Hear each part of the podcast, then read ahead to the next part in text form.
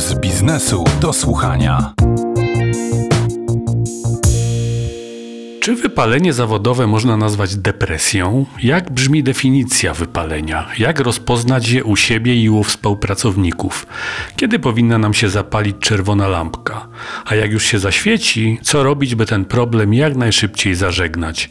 Rozmawiam z Anną Mistewicz, członkiem zarządu Angelini Pharma Polska.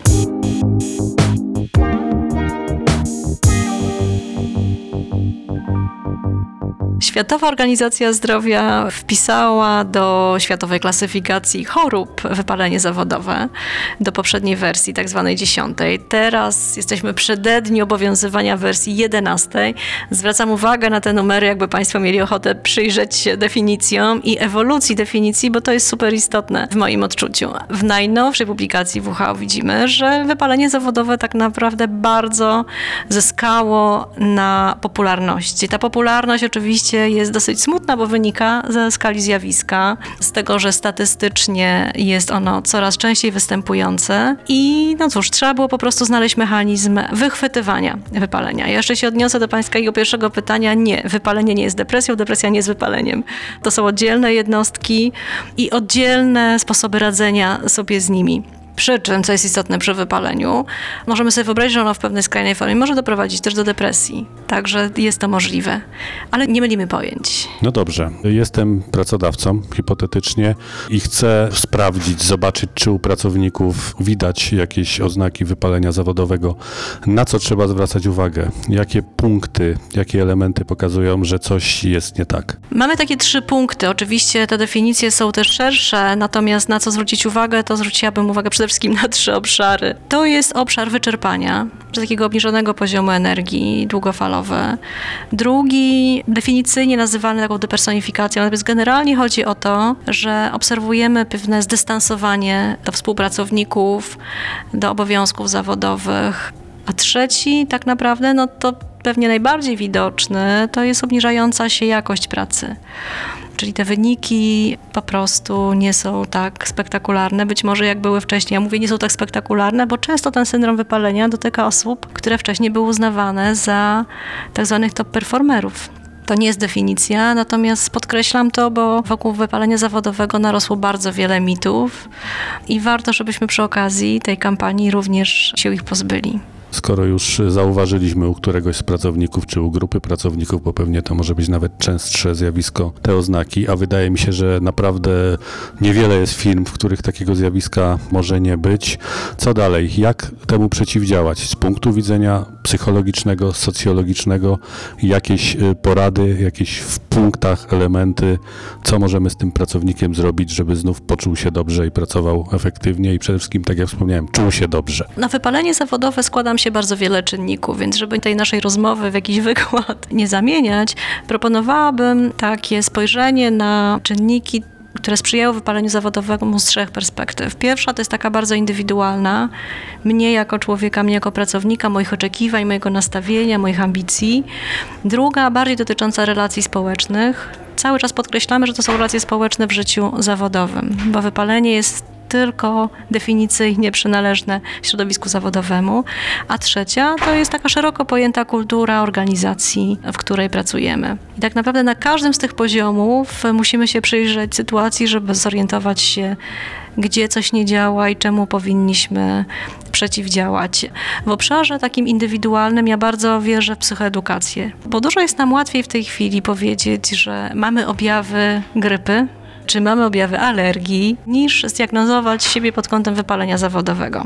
Sami sobie narzucamy bardzo często wysokie tempo pracy, sami świadomie czy nieświadomie rezygnujemy z jakichś innych aktywności życiowych, poświęcając się czemuś, co nam daje dużą satysfakcję, ale na przykład łapiemy się po jakimś czasie na tym, że ta inwestycja czasu, energii no nie jest niestety zrekompensowana nagrodą o której też myśleliśmy w takich kategoriach bardzo indywidualnych. No i tu mamy pierwszy rozdźwięk. Drugi to są te relacje społeczne, obszar, na który powinniśmy zwrócić uwagę. Stąd też czerpiemy paliwo. Proszę zwrócić uwagę, że wiele osób pracując teraz przez dłuższy czas z domu bardzo narzeka na to, że ten deficyt kontaktów społecznych wpływa na pogorszenie samopoczucia. Tutaj też jest bardzo istotna kwestia w zapobieganiu wypaleniu zawodowemu, dlatego że dowiedziono naukowo, że relacje społeczne mają taką rolę ochronną w przypadku wypalenia zawodowego. No i obszar trzeci, obszar kultury organizacji, no i tutaj już naprawdę można by pisać, myślę, doktoraty także w tym obszarze z zakresu zarządzania. Bardzo szerokie pole manewru dla zarządów, dla HR-u, dla wszystkich liderów organizacji, ponieważ e, no, tworzymy pewien organizm, który musi sprzyjać i komunikacji bardzo dobrej, i pewnej odwadze wyrażania i opinii, ale dawania też informacji o tym, jak się czujemy, że prosimy o wsparcie. Pewna kultura pracy polegająca na higienie, ile godzin, jak dużo sobie dajemy czasu na reakcję, czy wpadamy w jakiś bardzo szybki rytm maili, konieczności ustosunkowywania się do pewnych tematów na wczoraj, czy też szanujemy czas, szanujemy opinie innych, dajemy chwilę wytchnienia, chwilę na pomyślenie. Temat rzeka, natomiast ważne, żebyśmy się zatrzymali pomyśleli e, z refleksją o tym.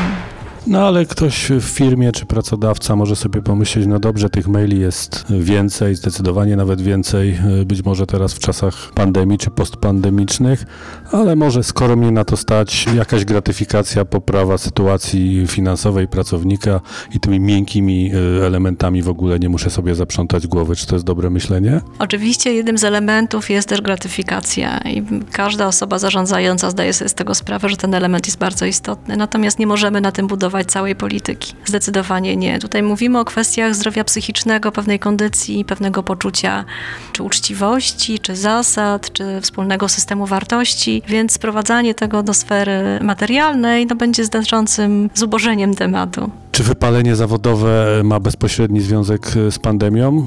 Siedzieliśmy w domach, no, wydawało nam się na początku, że to fajnie, będziemy sobie pracować z domu, telepraca, nie musimy dojeżdżać, a tu się okazało, że tych obowiązków jest co najmniej tyle samo albo, albo jeszcze więcej przed tym komputerem w domu, czyli co, skończy się pandemia, miejmy nadzieję i problem wypalenia zawodowego zniknie? Musimy sobie otwarcie powiedzieć, że ani pandemia nie stworzyła wypalenia zawodowego, ani po pandemii wypalenie zawodowe jako zjawisko nie zniknie. Oczywiście mamy pewne dane, które nam mówią o tym, że syndrom wypalenia zawodowego w okresie tak zwanym pandemicznym jest obserwowany częściej, także z uwagi na to, że pracowaliśmy bardziej z domów, e, że nie mieliśmy tych relacji społecznych na takim poziomie, na jakim jako ludzie, istoty społeczne powinniśmy dla swojej kondycji psychicznej je mieć.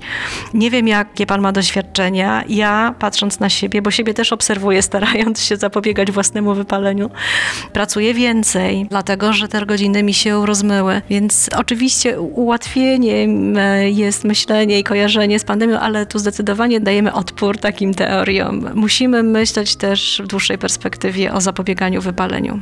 Anna Mistewicz, członek zarządu Angelini Pharma Polska. Dziękuję bardzo. Dziękuję również.